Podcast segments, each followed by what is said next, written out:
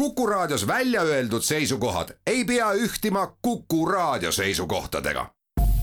Te kuulate Kuku Raadiot.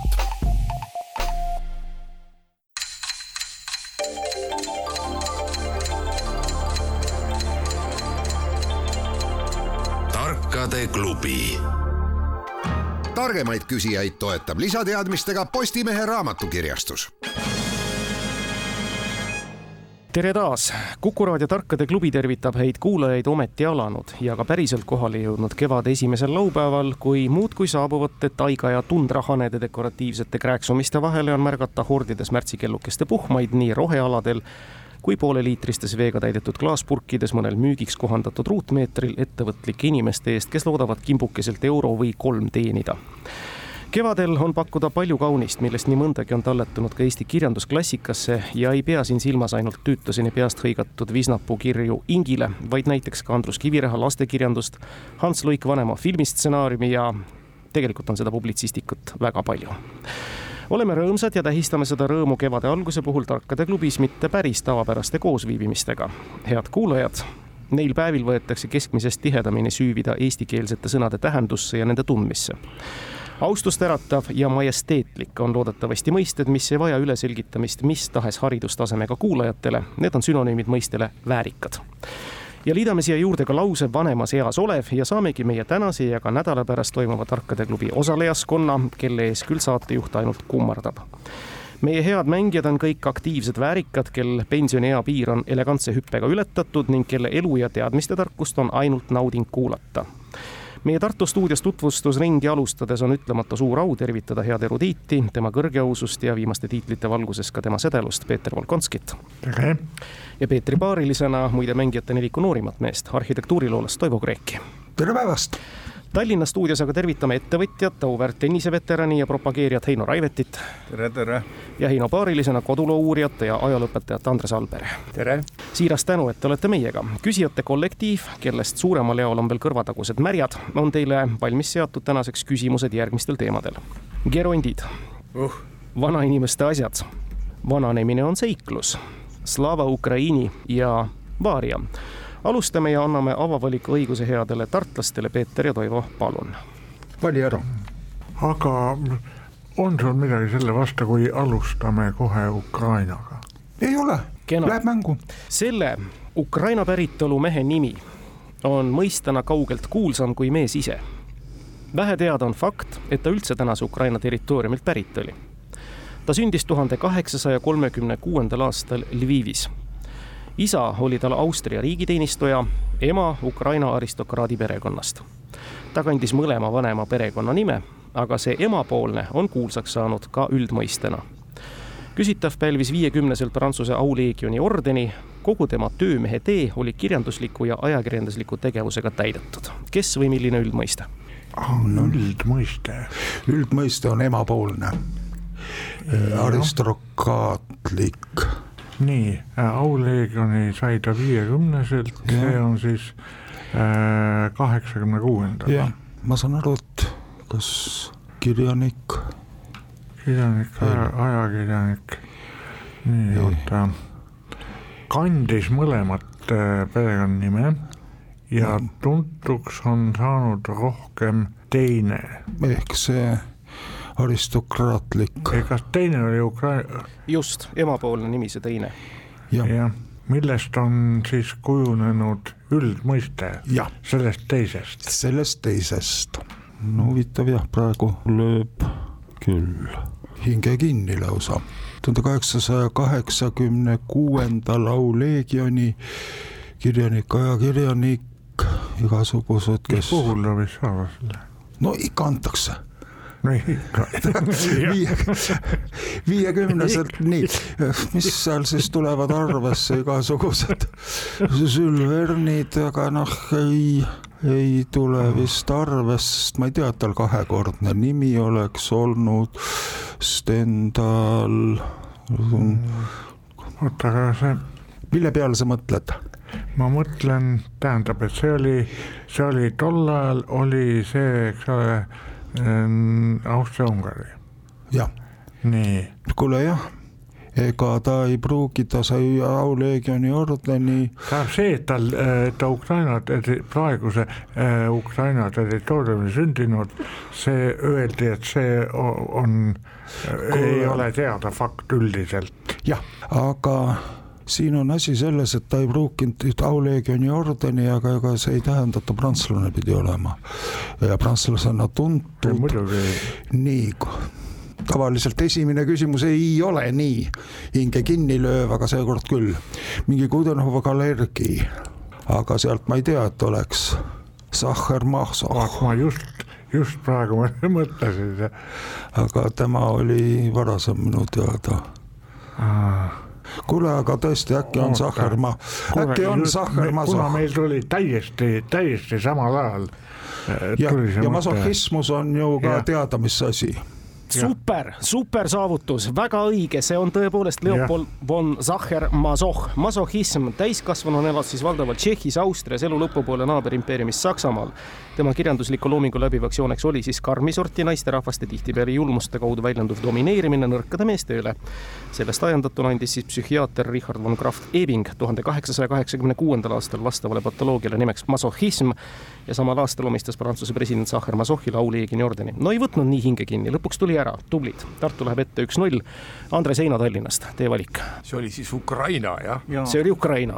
aga võtame teise Ukraina, äkki on, äkki on kergem Ukraina, päris Ukraina. no vaatame, päris või vähem päris. kuulaja Tenno Sivadi, üks tänastest küsijatest, teie eakaaslane küsib. Ukraina-Vene sõja tulipunkt on asunud põhiliselt Luhanski ja Donetski oblasti piirkonnas. teisisõnu Musta mere ja Aasovi stepialadel seitsmendal sajandil elasid nendel aladel hõimud, kes ühinesid liitu nimega Patria Onoguria ehk suur kolm punkti. milline nimetus sobib sellele kolmele punktile? siis ilmselt äh, need, kes rändasid sealt Tuuralite alamilt välja äh, madjarid, onoguurid, ilmselt mingid Türgi tatari, nad puutusid ka seal Türgi, türklaste ja tatarlastega kokku. sküüdid on küüdid olid varem. bulgarid on. kasaarid. Seid-, see on, iga mõne aja pärast läks üks laine uuesti üle sellest stepialast. jah, siis on veel avaarid jah, seda peaks nüüd väga täpselt, aga see onokuurid tähendab, ungarlaste esihoonetel oli üks vahepeatus kas nad nimetasid seda vist Lebediaks või Aasovi mere ääres, enne kui nad uuesti Euroopa poole edasi läksid. mis variandid veel on, kasaarid, avaarid? No sealt kumab läbi see, see, mida meie nimetame ungarlasteks ehk siin madjarid. oli seal veel mingi variant? no see peab ikka olema muistsem rahvas. no ungarlased olid juba üheksanda sajandi lõpul olid juba Euroopa südames. ei jah, seda ma mõtlengi, et et mingid noh, alaga ka uusid sinna ei, see on need, palju hiljem. ja need on palju hiljemad. mis nendest rändrahvastest nimetamata on? Igaüks jättis mingi jälje sinna sellesse piirkonda. kasaarid olid vist veel natuke hiljem, mis see madjarite paralleelvariant siis ikkagi oli? Onaguria, Onaguria. Kõptšakid, need olid veel hiljem, nii et madjarid ei sobi, saatejuht Te peate ühe pakkumise tegema, siis ma ütlen, kas Aa, sobib või mitte no,. jääme madjarite juurde. ei ole madjarid, head tartlased no,. tahetakse teada, mis sõna sobiks onoguuria asemel või ja. mitte mingeid mis olid, mis ja ikka noh, selles mõttes, et rahvad sobivad ka selle kolme punkti asemele. ma ei tea, seal üks, mis häädel konkurentidel mainimata jäi seal see kandi kohta, see on Sarmaatia. no aga kõlaliselt äh, no, öeldakse, ongi ju Suur-Ungari ju. noh, Patria ono,. Onoguuria. Patria Onoguuria, aga Patria, miks nad võtsid? Patria, miks nad võtsid niisuguse kultuurkeelse nime ja no siis ja minu arust ka hunnid jäid mainimata, nii et noh. hunnid jäid mainimata jah hunnid Ungari. nojah, ma ei tea, see maa, no Ungari jah, esimese hooga Ungari tundus ikka tõesti ka, et aga kas hunnid kuidagi on nagu, no kuurid, kuurija. kuurija iseenesest oli üks või on, on üks Gruusia piirkond, jah. nii, mis me ütleme, hunnid või? tähendab, ma saan aru, et ei taheta mitte rahvast, vaid. ikka rahvast ka, hõime hõime.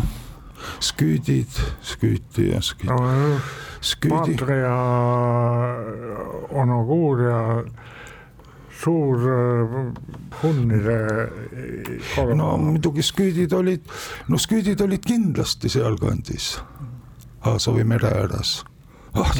see on tõesti praegu, siin ei piisa isegi ühest mündist, et visata, nii et no ja siis veerandfinaal No poolfinaal ja nii edasi. No see hunnid siis. no jätame hunnid. ei ole ka hunnid, tegelikult see korra vilksas siit Tallinnast läbi. suur Onoguuria ehk suur Bulgaaria, Bulgaaria, sel ala, ajal elasid nendel aladel bolgarite hõimud. Need jah, nii et käis ära, ütleme, et jäi lauda. head tartlased, Peeter Toivo, teie valik. No ma ei tea, ma olen seiklushimuline. vananemine on seiklus.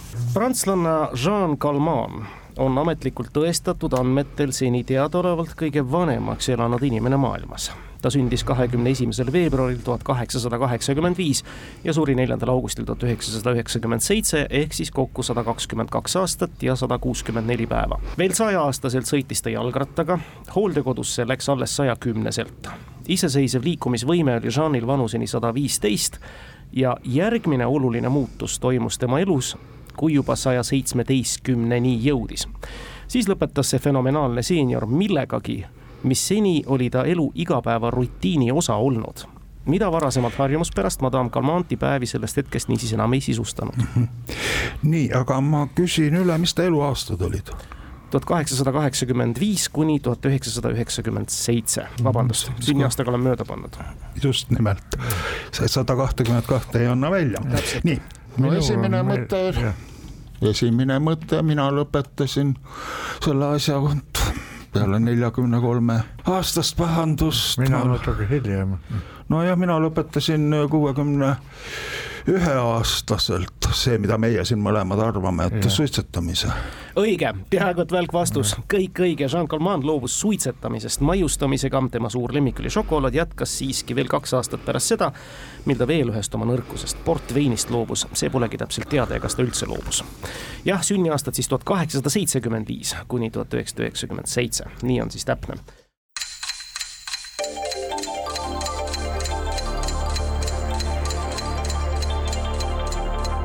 tarkade klubi. targemaid küsijaid toetab lisateadmistega Postimehe raamatukirjastus Tartu teine punkt ja head tallinlased, Heino, Andres, teie valik. skoor avamata. gerondid, gerondid ja küsime nüüd. kaheksakümne kolmeseks elanud prantsuse klassik Victor Hugo kirjutas oma esimese suurteose Jumala ema kirik Pariisis juba noorelt, alla kolmekümneselt. nimetage oma pealkirja poolest mainituga Eesti kirjanduses hästi kokku sobiv tuhande üheksasaja üheksakümnendal avaldatud romaan ja ühtlasi selle autor, kelle gerondi staatust järjekordselt tõestab ümmargune sünnipäev järgmisel nädalal kätte jõuab. nii, Jumala ema kirik, Tallinn arutleb Tallinn arutleb, väga õige. mm. -hmm. minu esimene, mis peast läbi käis, oli Niguliste, on Teet Kallas. välk vastus, nii ongi, see on Niguliste ja Teet Kallas, autor tähistab kuuendal aprillil oma kaheksakümnendat sünnipäeva. Läksime käima silm peas, Tallinnal ka üks-kaks, pärast nelja küsimust väga hoogsalt läheme. Peeter ja Toivo Tartus, palun. nii, kas, ma võtan vanainimeste asjad siis. no võtame asjad ka, proovime, kas oleme tuttavad. Johannese ilmutusraamatu eelviimases, kahekümne esimeses peatükis on tulevase uue taevase Jeruusalemma nägemus esitatud. selle aluseks on kaksteist kallist materjali. jaspis, safiir, kaltsedon, sardooniks, karneool, krüsoliit, topaas, krüsopraas, hüatsint, ametüst ja veel kaks. esiteks teatud silikaatset mineraali ning teisena ka selle ühte erimit millist mineraali. seda tähistava sõna üks tuletusvorme tähistab ka eesti keeles ühte antud küsimuse teemaga seostuvat eset. nii, kaks silikaatset mineraali. jah, silikaatne mineraal ja teisena siis üks selle erimitest, aga me küsime, milline mineraal.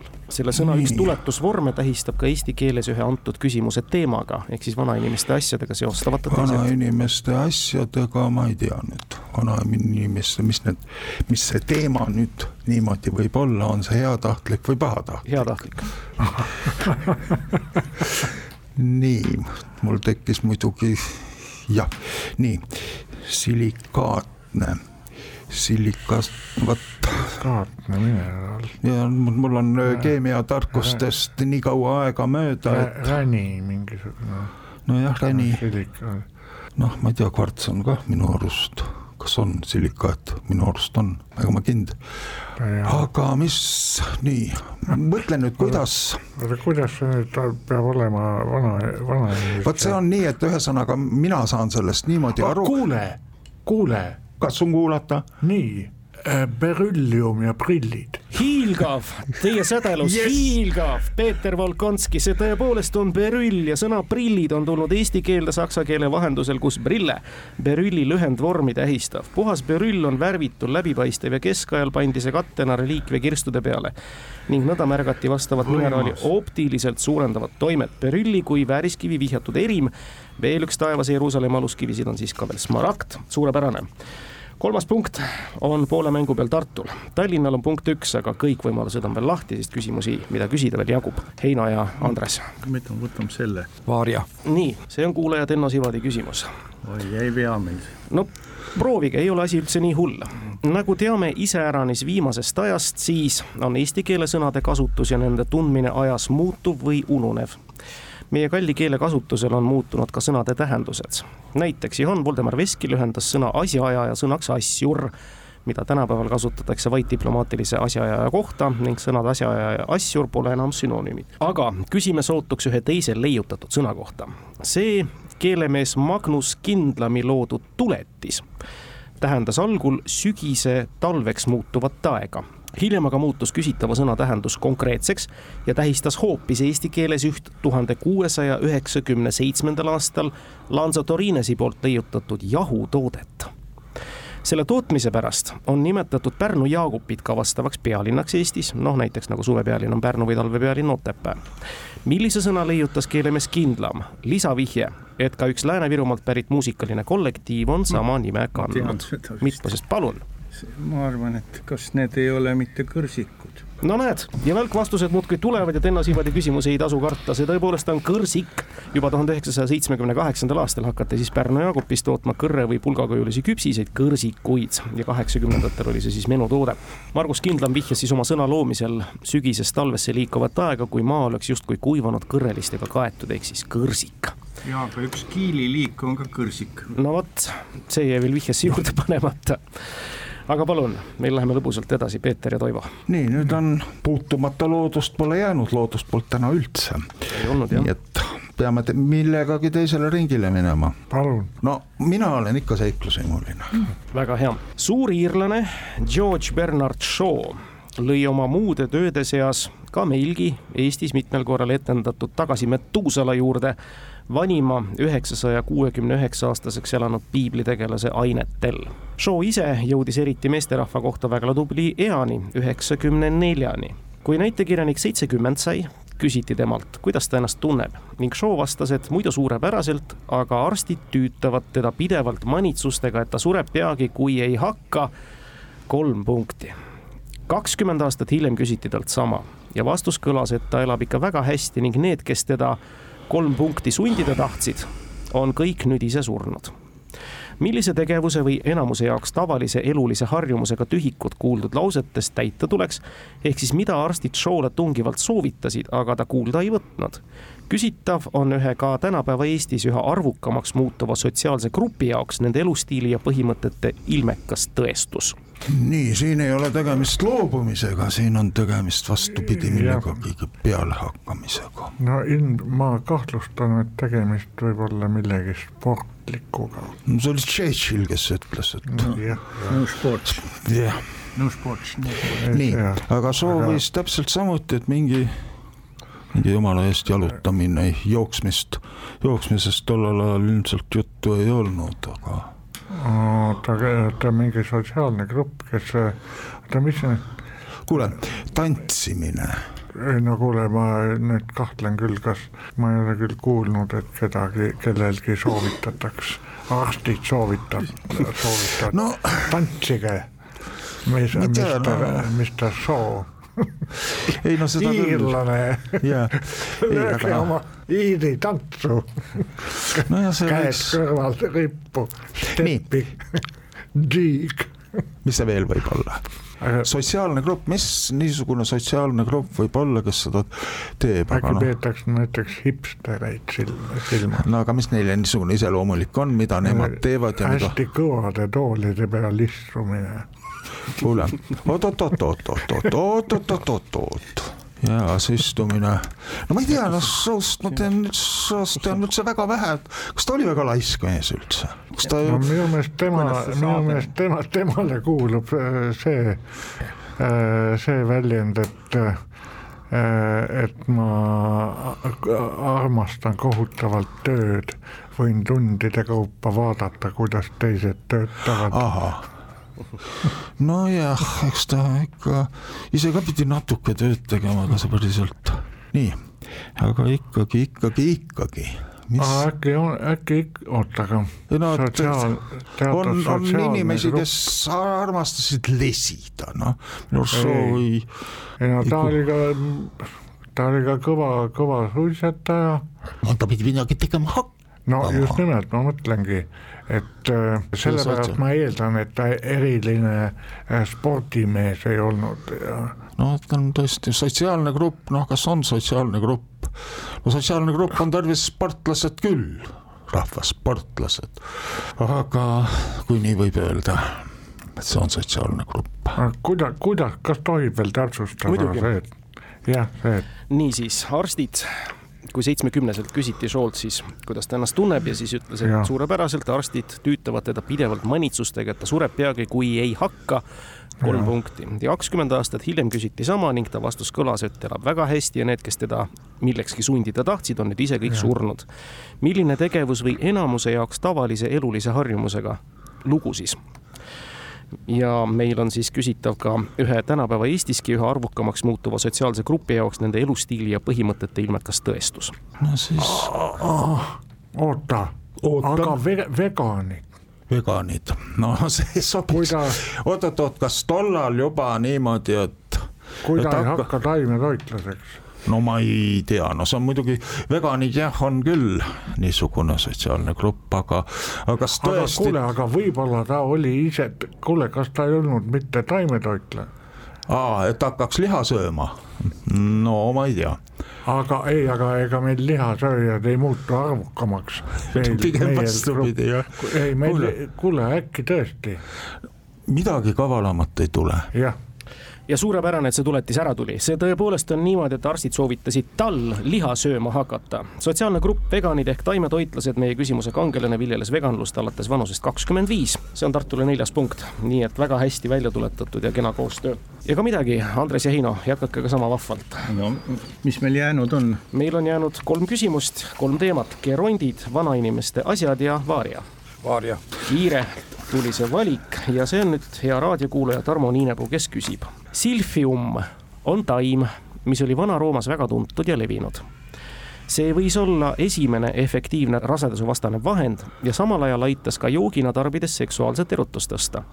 see oli nii populaarne, et umbes aastatel viiskümmend neli kuni kuuskümmend kaheksa pärast Kristust oli järgi jäänud vaid üks vars õiega, mis saadeti Neerole sellest taimest kirjutati luuletusi ja laule ja selle seemnel oli üks eriline kuju, mille järgi võeti kasutusele üks sümbol, mis on ka tänasel päeval kasutuses meie igapäevases suhtluses ja tegemistes. seda sümbolit seostatakse ka mingis mõttes küsimuse alguses tehtud asjade kirjeldamisega, milline kuju või sümbol see on, mis oli siis silfiumi seemne kuju. igal juhul mulle tundub, et need küsimused on veidi keerulisemad kui eelmistes saadetes näiteks partei funktsionääridele või? no küsimustes koos seda praegu ei tõesta muide.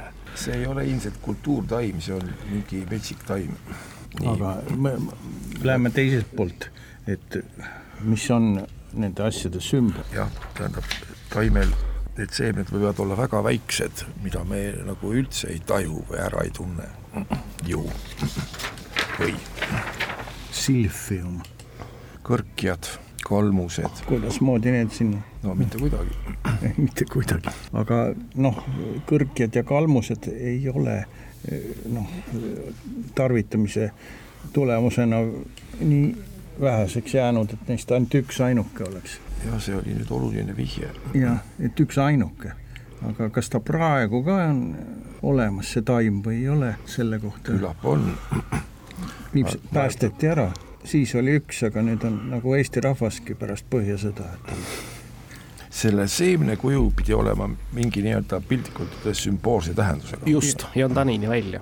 ja tänini välja ja öö, seotud selle kas siis südamekujuline, mis kuju saab veel seem-, seemnel olla. sellest Neerost on vist vähe kasu, hakata Neero elulugu siin kuidagi meenutama või detaile. noh, seda võidi anda kellele tahes, Neero sattus ette, see on sümboolne kuju, ristikuju. vaevalt küll. rist äh,, ristik, ristikeinaleht. see pole seeme. see ei ole seeme. see on leht. Silfium, siit, siit midagi ei tule. Silfium. arvatavasti mingis Indoeuroopa keeles on ta noh, mugandus on ilmselt olemas või la, lausa germaani või romaani keeles, just nimelt seemned. ma, mina arvan, et, et, et see seemnekuju oli kuidagi niimoodi, niimoodi. aa, oo jah. jah, jah et ma, ma ei paiskaks eetrisse seda sõna. ei, aga sa ei peagi paiskama, sa ütled analoogilise seemne ülekantud tähenduses sellisel juhul. aga mis see Neero siia puutub? no ei, no Neerole anti lihtsalt, kuna seda oli nii vähe jäänud. Neero sai viimase aga sii-, praeguseni see ei ole välja surnud või on? küsimusest lähtub, et vist on, temast räägitakse minevikus. mingi noh, ma ei tea aga see oli ju keskajalgi. et müütiline taim oli, mis tuletas inimese kehakuju meelde, allraun, läks väga viltu ja see õige vastus ei ole, ütleme siis niipidi. ja palun, Tartu, Toivo ja Peeter. no eks meil oli mitu mõtet, ma olen sellest taimest kuulnud ja just nimelt sellest, et, et ta välja suri sellepärast, et teda nii intensiivselt eesmärgipäraselt kasutati. aga mis kujulised need seemned olid, eks meil siin on ka praegu kaks mõtet, üks on ilus ja uhke ja teine natukene siivõttu seda nad, äh, tallinlased ei julgenud äh, välja öelda, nad joonistasid selle ainult. no ma kardan küll, et see on see Peeter näeb läbi stuudio seina kahesaja kilomeetri kaugusel loeb meie mõtteid. sest ütleme, need tähised, mis tähistavad isast ja emast, noh, need seemneks ei sobi ja need on tegelikult tähtkujud või nende planeetide järgi võetud. Aga kumma peale me lähme siis? no lähme sellesama esimese peale, mis, mida Tallinn ka mainis, see, justkui niisugune seeme võib olla küll, et no et südamekujuline. ja tõesti, see on südamekujuline seeme, mis meil mm. peaasjalikult seostub siis jah, armastusega, suurepärane, viies punkt Tartule. meil on kaks Aa. küsimust lõpuni minna. ma mõtlesin, peab taime nimetama. ei, mis kuju no, taim oli öeldud. taim oli öeldud, see on silfium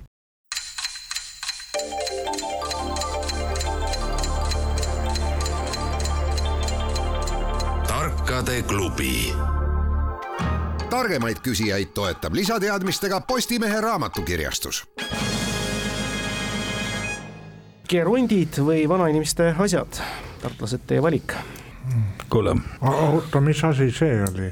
gerondid ja asjade, asjade ei, ma mõtlen, see praegu oli, mis asi oli? see oli, vananemine on seikl. see oli vaaria. see oli vaaria jah, vabandust, see oli kaheksas küsimus.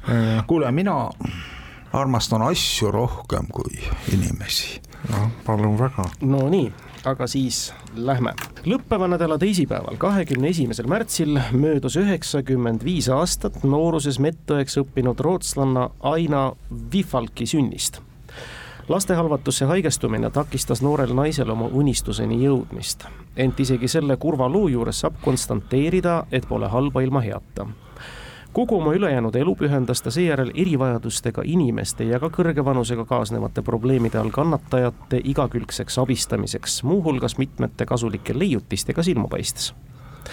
tuhat üheksasada seitsekümmend kaheksa viis aastat enne oma elutöö lõppu märkas Viif Falk ühel raamatukogu külastamisel juhuslikult raamatukogu töötajate teatud tüüpilist töövahendit, millest tal kohe üks konkreetne idee tekkis ning selle realiseerimise peagi ta ka saavutas.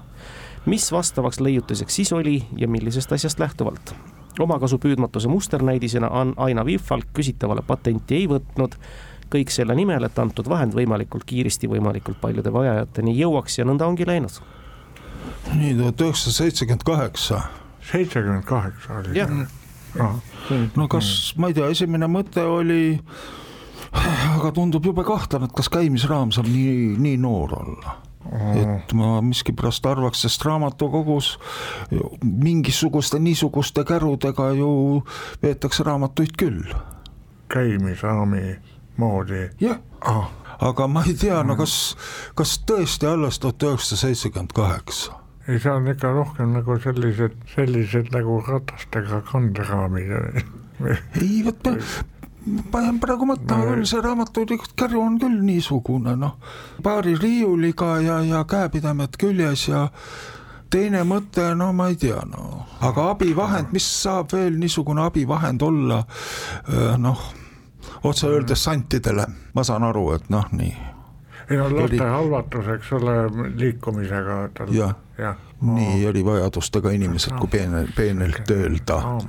ja nagu nii, aga see, ma ei tea, see pisike redel, no see on veel jaburam mõte, et ülemiselt riiulilt kätte saada. aga mul, ei mul, sa selle panid mulle selle raamatukogu käruga kõva, nii kõva litaka, et mul enam mu mõte mujal ei ole võimeline liikuma. pane, pane korraks silmad kinni, ma ei tea, kumb meist sagedamini raamatukogus käib. Mina käisin täna. mina eile. ma ei tea, no nojah, ega, ega mul ei tule, kui peale selle kädu ja, ja redeli ei. no redel, no, no tead, see pukk, noh, see, see on. mingi abivahend äh,. no ta otseselt ei ole abivahend, ta on taastu-. vaegliikujale. ta on taastumisvahend peale insulti näiteks, et õpid seal tõusma ja tasakaalu hoidma. aga no ma ei tea ärme raiska aega vist või kui sa ütled, et sinul ka ei sähva, sul on ta sinu sähv. oota, oota, ootan, nagu ikka ootan. kuule, oota, aga äkki vaata raamatukogus, kui pannakse see, äkki ta, nojah. ei, ma mõtlesin, et, et see raamatud lähevad lindi peale nagu lind. lindi peale, jah. ja et, et siis see, see taastumine selle noh. käimislint või? käimislint, jah. no ma ei tea, raamatukogus fu-fu-fu linte. nojah, ja kus ta seda nägema pidi? no taga, see vist. kui see on, siis see on kuskil tagaruumides. no seda, see on pigem lennujaamast nähtu ja, oleks, oleks, aga Kule. üks võimalus, kas mingi eriline raamatuhoidja on ka veel võimalik, et aga ma ei tea, no jääme ikka selle käimisraami juurde. no tuli ära pärast pikka arutelu, tõepoolest käimisraam ehk ütleme täpsemalt rullaator. idee aluseks oli siis tõesti raamatukogu käru ja muide juba kuuekümnendate keskel, ka teie teine vastus tuleb siit ära või teine arutelu objekt, oli ta juba leiutanud manupedi ehk liikumispuudega inimeste füsioteraapia eesmärgil velotrenažööri, nii et sinnakanti läheb. no vot, jah. kõik oli täpselt sellesama vahva naise Aina Vihvalki välja mõeldud. Tartul on praegu punkte kuus, Tallinnal kaks, aga võimalus hiilgav punkt panna, juhul kui nüüd teatakse viimase küsimuse vastust. ja teemaks on meil siis gerondid. me küsime kahte tuntud Eesti geronti ehk väärikas vanuses härrat, kes nii ees- kui perekonnanimega omavahel täielikud nimekaimud on üks nendest, püha peaingel Miikali Rüütliordu suurprioor, saab homme nädala pärast, üheksandal aprillil seitsekümmend ehk ületab siis juba kümne aastaga vana Sparta gerondiks jõudmise vanusepiiri teine tähistab sama alles tuleva aasta kevadel. see veidi vanem geront sobib oma omandatud elukutsega meie tänasesse saatesse küsitavaks nagu valatult. veidi nooremaga kahest kõnealusest assotsieeruvad aga muuhulgas näiteks mõisted pilvepüüdjad, temp ja the pickups kelle kohta me küsime. mõlemat ühendav märksõna on meelelahutus, aga kummalgi omal kombel. mis see oli, pilvepüüdjad? temp. aa, temp. ja the pickups. seitsekümmend, on siis. Eesti inimesed. Eesti inimesed, täielikud nimekaimud. ja nüüd on meil aasta kakskümmend kolm ja järelikult äh,. kuidas oleks nimekombinatsiooniga Rein Toomingas? arutame, arutame. arutage muidugi. tähendab, kas nad on praegu mõlemad elus? no kui üks äh, saab üheksandal aprillil seitsekümmend ja teine. ei, kaheksakümmend. seitsekümmend mõlemad ah,. mõle, mõlemad seitsekümmend. aastaarv oli mul vale. tuhat üheksasada viiskümmend kolm jah, pilvepüüdjad, Temp. kas see on mingi ansambli nimi või? ei, ma ei tea, et oleks, aga. pilvepüüdjad sobiks nagu luuletuskogu peale. jah, sobiks jah. meelelahutajad, nad ei aga, ole. ja aga teine, teine peab olema siis viiskümmend neli sündinud, teine on äh, aasta, tulev aasta kuidas on selle naljamehega Aare? Toomingus, ei. ei, ma Toomingut juba pakkusin, ma eksisin aasta, lausa kümnendiga. viskab nalja suur tüsemees, käib külaklubides esinemas. ma ei kujuta ette, keda sa mõtled äh.. aga neil peab mõlemil üks ja sama nimi olema. jah. Gerondid.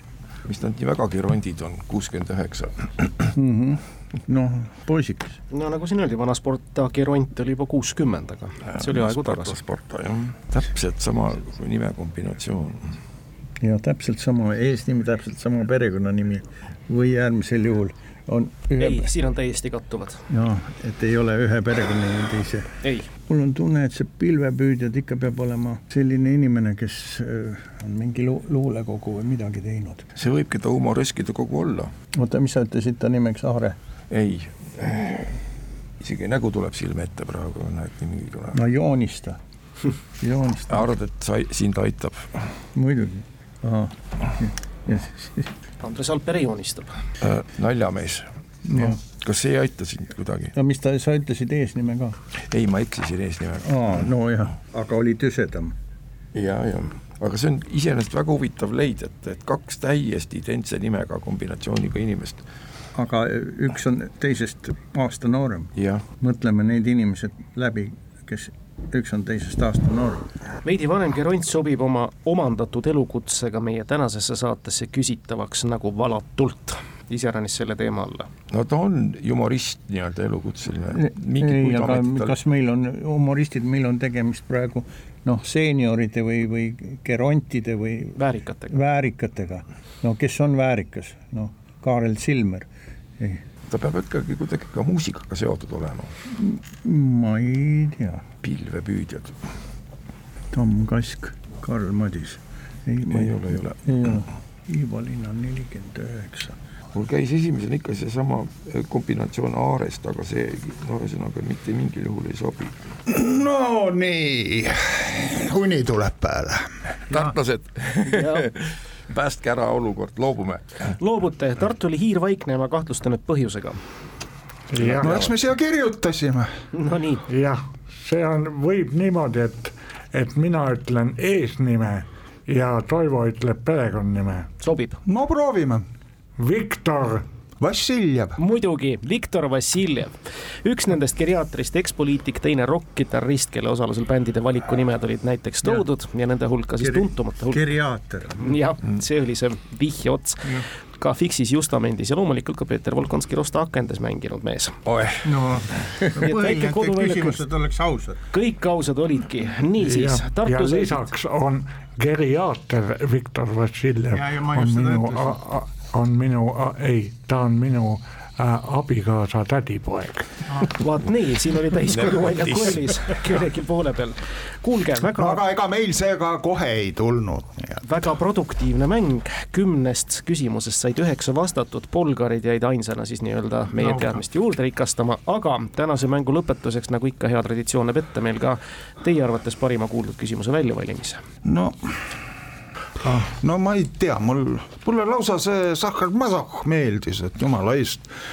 vaata see, et meil tuli täiesti sekundi pealt tuli üheaegselt, no täiesti. Leopold von ja no Tauleegioni orden, no niisugusele masohhistile, no see oli üllatav, no aga näed, ära tuli. Andres ja Heino, mis ma ei tea, me oleme nõus sellega. sobib. sobib, selge, Leopold von Sacher Masoh ja masohism saavad tänasest mängust siis nüüd meelde jäetud, see on hea kuulaja Margus Pillau ja küsija küsimus. suur tänu teile, Heino ja Andres siin Tallinnas, suur tänu, Peeter ja Toivo Tartusse. ilusat kevade jätku ja peatse taaskuulmiseni. hoolega hoitud auhinnad toob kohale Smartpost Itella. Lõpetame saate nagu ikka kuulajamänguga eelmisel laupäeval lõpetas saate küsimus, kus palusime vahendada Vana-Kreeka tuntud filosoofi küünik Diogenese tuntud sententsi. ehk siis kord, kui Diogeneselt küsiti nõu, millisel kellaajal on kõige mõistlikum lõunat süüa, vastanud Diogenes sõltuvalt sellest, kas lõunataja on vaene või rikas.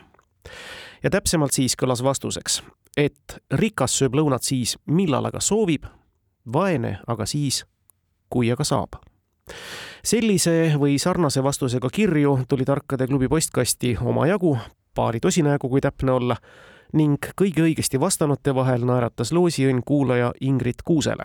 palju õnne, teiega võtame ühendust. uus nädala küsimus kõlab järgmiselt. Itaalia kardinal Albino Luciani oli paavsti ametisse asudes esimene ja on tänini ainus, kes ametisse asudes pälvis või võttis enesele midagi. ligemale neljakümnel paavstil on ka küsitav olnud, aga nad kõik on selle pälvinud pärast surma. mille kohta me küsime? ootame vastuseid nagu ikka e-posti aadressil tarkadeklubi at kuku punkt ee või tavapostiga aadressil Tartu maantee kaheksakümmend, Tallinn, Kuku raadio, Tarkade klubi. Palun lisage juurde kindlasti ka oma kontaktandmed samadel aadressidel on oodatud ka Kuku kuulajate küsimused saateis mängivatele tarkadele. parimad küsimusedki saavad äramärkimisel premeeritud. tänaseks lõpetame, kuulmiseni.